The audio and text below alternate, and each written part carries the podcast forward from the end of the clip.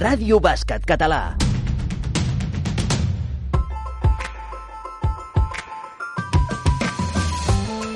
Viladecans va acollir el passat cap de setmana la final a 4 de la Copa Catalunya Femenina, més enllà dels resultats esportius, que van acabar amb el Mataró Parc d'Oridori Boet com a campió, la fase final va ser un èxit, ja que va aconseguir que el pavelló Atrium presentés un aspecte immillorable. Graderies plenes per veure bàsquet femení de primera qualitat. A més, la xarxa de televisions va oferir les semifinals i la final en directe, certificant l'embranzida que aquesta competició ha agafat. La Copa Catalunya ha collat entre els aficionats i ara que ja tenim desenllaç de la categoria femenina, toca dirigir la nostra atenció cap a la categoria masculina, que enceta la seva fase més apassionant. El Ràdio Bàsquet Català us ho explicarà fil per randa. Avui, capítol 56. Us parla Àlex Gozalvo. Esteu preparats? Doncs pilota l'aire. Xavi Ballesteros. I començarem el programa amb la tertúlia parlant amb alguns dels equips revelació de la temporada com són l'Esparreguera, l'Almeda i el Club Bàsquet Prat. Ho farem amb Manuel Estepa, president de l'Almeda, Arseni Conde, president del Club Bàsquet Prat i Òscar Navarro, tècnic de l'Esparreguera. En els nostres clubs marxarem fins a Terres Lleidatanes per conèixer de ben a prop el Club Bàsquet Torreferrera. Ho farem de la mà de la seva presidenta, Laura Vallespí. En els BQ parlarem de la capitalitat de Girona en el bàsquet femení. Ho farem amb Francesc Xavier Santaló, president president de la representació territorial de Girona. I en la pissarra coneixerem els secrets de Glòria Estupà, la nova entrenadora de les Nats Femení Sant Adrià de Lliga Femenina.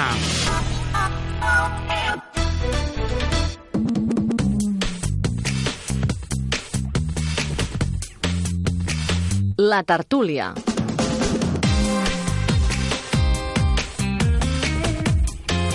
El bàsquet català ens ofereix cada temporada un grapat d'històries d'èxit. Al programa d'aquesta setmana volem apropar-nos a tres d'elles, les del bàsquet Almeda, el Club Bàsquet Prat i l'Esparreguera. Es tracta de tres casos de tres clubs que porten anys treballant bé, però que en les últimes setmanes estan en boca de tothom. Per apropar-nos als seus models, tenim amb nosaltres a Manolo Estepa, president del bàsquet Almeda. Gràcies per ser amb nosaltres. Hola, què tal? A través del telèfon ens acompanyen també l'Arseni Conde, president del Club Bàsquet Prat, benvingut. Hola. I Òscar Navarro, entrenador del Tena Esparreguera. Un plaer. Moltes gràcies. El bàsquet Almeda té molts motius per estar satisfet aquesta temporada, però anem una mica pams. El sènior femení va disputar el passat cap de setmana la final a 4 de la Copa Catalunya, guanyant-se el dret de lluitar per l'ascens a la Lliga Femenina 2. Quin balanç fa del que es va viure a Viladecans? Una gran alegria, una, una grandíssima emoció. El que vam aconseguir allà és, és el reflexe d'un model, d'haver escollit un model, d'haver escollit una filosofia, haver anat amb ella a, a mort des de fa ja uns anys. I el reflexe final de tot això va esdevenir divendres a la nit allà, a dissabte a la nit allà a Viladecans. El fet de poder disputar ara la classificació a Lliga Femenina 2 encara li dona més valor. El tema va ser com una mena de culminació, no? Inclús perdre el títol no va ser tampoc tan sentida com va ser arribar a aquesta final amb la gent, la filosofia, el públic, tota la nostra canalla, hi ha un munt de canalla nostra, de nenes, nens... És una mica la, la culminació, el tancar un cercle, no? Aquest èxit va arribar amb moltes jugadores júnior i precisament l'equip júnior es va proclamar campió de Catalunya i ara està disputant el campionat d'Espanya a Huelva. D'aquesta generació de jugadores en sentirem a parlar. És una generació que ens ha donat eh, molts èxits al, al club. Han, han esdevingut campionats de Catalunya júnior aquest any, però també ho van ser cadet infantil a més de dos subcampionats d'Espanya, també tenen aquestes nenes. Jo penso que és una generació irrepetible, a més que porten ja molts anys, algunes porten vuit anys amb nosaltres. I ara estan recollint una mica els fruits. Sí. L'equip masculí júnior, per la seva banda, va fer història també en disputar la final a 4 del Campionat de Catalunya per primera vegada. El conjunt entrenat per Miguelito López Abril es va fer amb la tercera posició. Realment el, rendiment de l'equip va estar molt bo. L'equip ha fet un temporador brutal i esperem que aquesta setmana al campionat pues, la cosa esdevingui, esdevingui bé. Saltem ara al Prat, que ha completat la millor temporada regular de la seva història a l'Aleport. Va acabar segon i ara disputa els play-offs per l'ascens. Arseni, estan sorpresos pel rendiment d'aquest equip? No, tot, totalment. Pensa que era un any que vam firmar amb en Juanma Morales, el nou entrenador. Vosaltres, tothom sap que feia 14 anys que estaven vinculats amb el, amb el joventut. Tenim un conveni per la formació dels jugadors. Eh, Llavors, van, aquest any, per qüestió de generació, ells van, van creure pues, fer una nota, vam fer una reunió, vam fer una nota, deixàvem stand-by aquest any perquè creien que els jugadors que tenia la penya pues, difícilment podrien jugar minuts a, a aquesta competició. Pues nosaltres vam tenir que canviar totalment la filosofia. Vam trobar un entrenador que realment ha sapigut lluitar amb gent. Eh, L'Arturo és un bon, molt treballador, i té molts contactes i llavors pues, pel pressupost que nosaltres teníem ell s'ha volgut adaptar, han canviat la filosofia, això per mi serà irrepetible, o sigui, difícilment tornem a, a tenir que durant aquesta temporada tinguéssim motiu d'aquesta sort, de que s'ocupessin jugadors que, que venien aquí molt humils i que avui en dia pues, ja tenen ofertes a l'estranger molt importants i, i llavors, bueno, L'equip ha començat els quarts de final amb dues victòries i parlar d'ascens esportiu ja no és cap excentricitat. Si es produeix, hi haurà opcions de competir a la Lliga Endesa? Competir, competir amb tots els equips de l'Eport i cada segon ha sigut un èxit. Pensa que estem jugant en pavellons de 4.000 i 5.000 persones, en molts pavellons i, i molts camps amb molt més, eh, molt més eh, afició que nosaltres. Han fet espectacle. Aquí només tots són capitals de província, excepte dues poblacions com Manresa i Badalona. Viatgem ara a l'Esparreguera, que acaba de tancar una temporada regular de la Copa Catalunya històrica amb 26 victòries i cap derrota. Òscar, si t'ho arriben a dir a la pretemporada, t'ho haguessis cregut? Inimaginable. Teníem la baixa del base titular, el Pau Campanya, els primer, les primeres 11 jornades estava fora per estudis i havíem perdut eh, respecte a la temporada anterior eh, dos peces importants, ens havíem reforçat bé, però al final nosaltres mantenim un bloc de nou jugadors de la casa, era una cosa bastant improbable. Al final ens han portat fins a les 26. Com us ho feu per mantenir la concentració cada setmana? Quan tu encadenes victòria rere victòria, tot sembla molt més fàcil des de fora.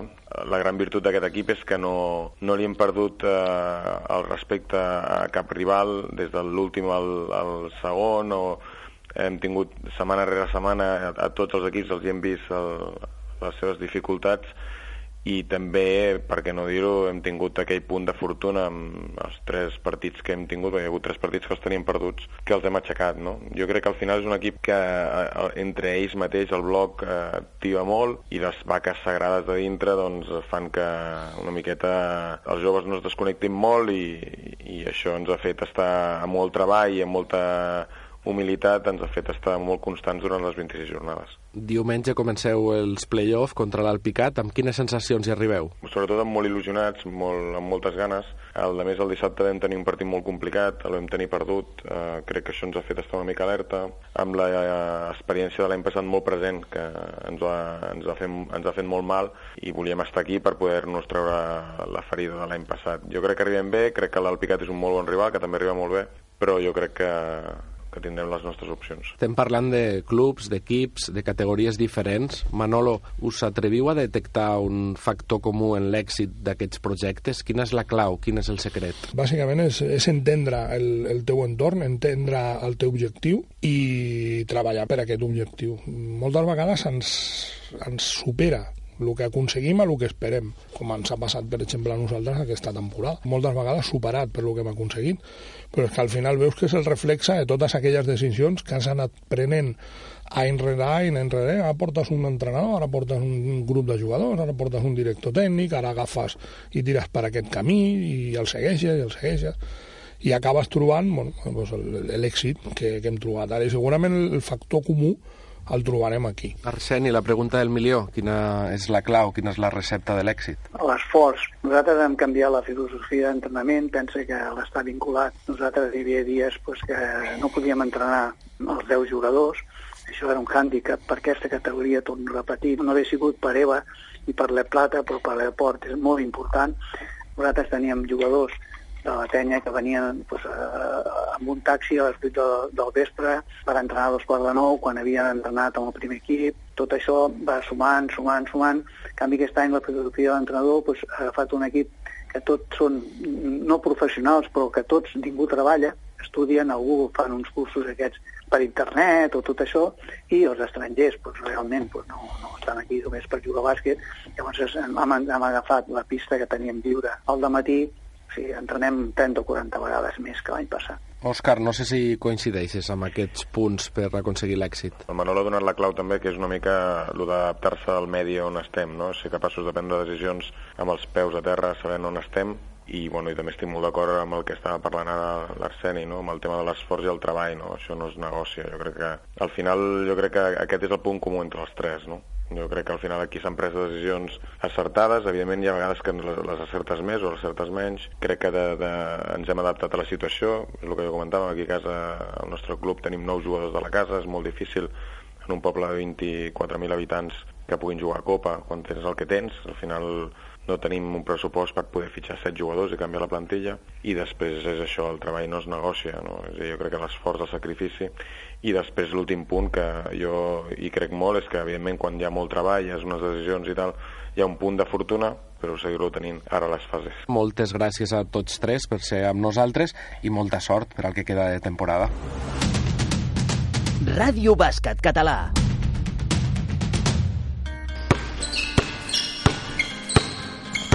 Els nostres clubs.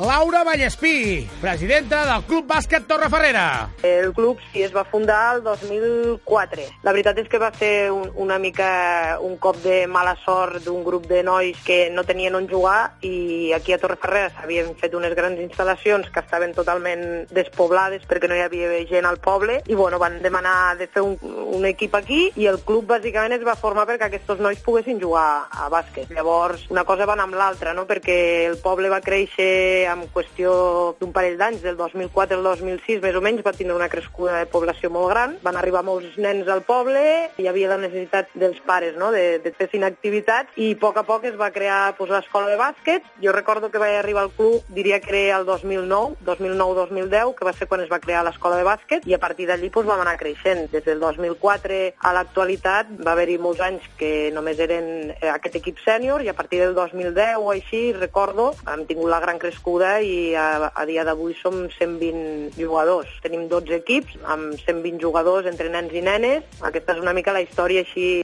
en grandes rasgos. Quina és la filosofia que voleu transmetre com a club?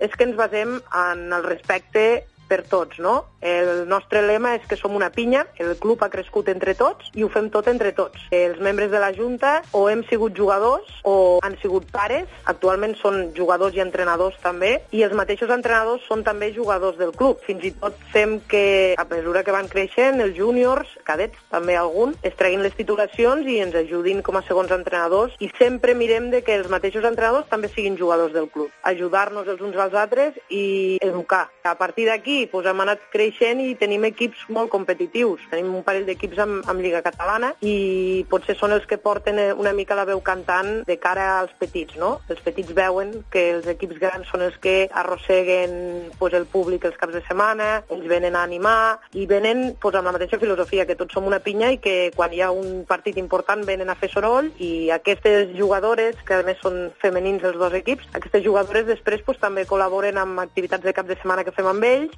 és una mica pues, això, no? Tots fem per tots. Quins reptes teniu com a entitat? Sobreviure. Estem ubicats a 5 quilòmetres de Lleida i és una miqueteta complicat trobar jugadors o completar categories de la base, resulta una mica de vegades complicat tindre un equip complet. Llavors, sobreviure em refereixo a poder mantenir tots els equips en cada categoria perquè cada nen o nena tingui el seu equip a la seva edat, no? I que no haguem de tenir una nena mini que encara està en creixement, fer-la jugar amb infantil o fins i tot amb cadet mos hem trobat. El repte és mantenir-nos amb aquesta línia, que tots tinguem lloc on jugar i ja així una mica amb ambició si vols, continuar pues, amb el segona catalana que tenim, femení, i poder establir un sènior masculí una miqueteta més competent i més competitiu del que ara tenim, no? que ara tenim un sènior masculí a la Lliga Territorial, pues, poder tenir un segon sènior una miqueteta més amunt. Potser aquest seria el repte més alt al que aspiraríem per poder donar sortida als nens que ara pugen, que ja s'estan fent grans al club i que n'hi ha que pues, poden arribar a competir. Ara us heu implicat en els campionats d'Espanya cadets. Què suposa per a vosaltres? Vosaltres? A nosaltres ens ajuda molt, també, clar, perquè veiem partits molt espectaculars per als nens, donem una miqueta de veu al bàsquet aquí a Torreferrera, que això també ens afavoreix a nosaltres, i sobretot cara als nostres jugadors i jugadores poden gaudir de partits molt vistosos i, i veure que el bàsquet a nivell d'Espanya pues, arriba a la nostra població.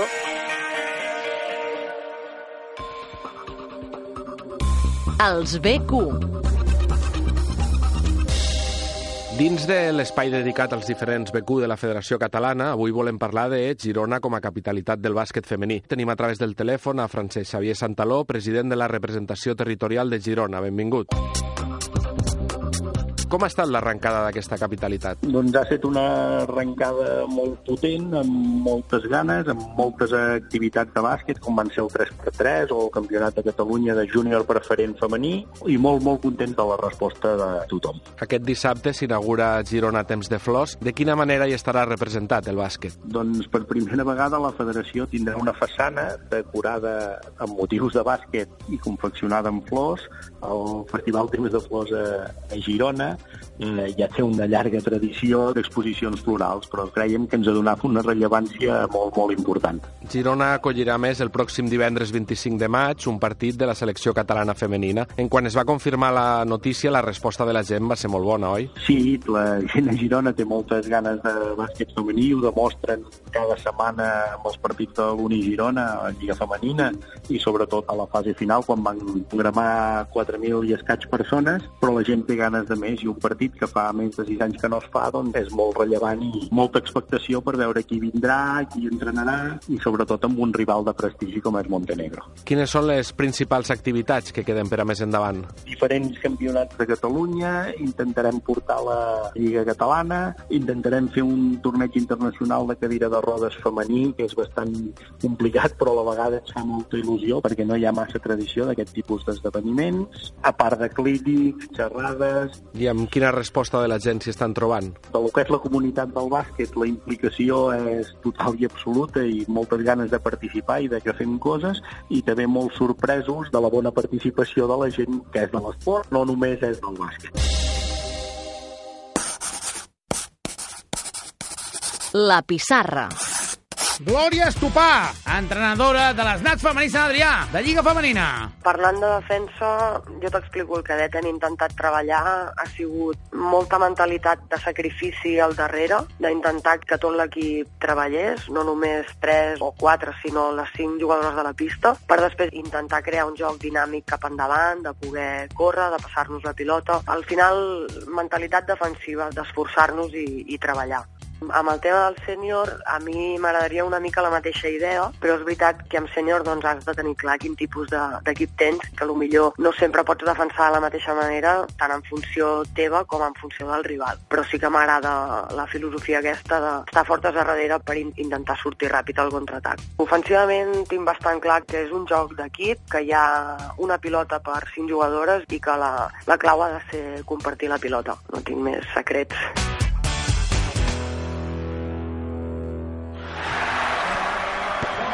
L'última possessió.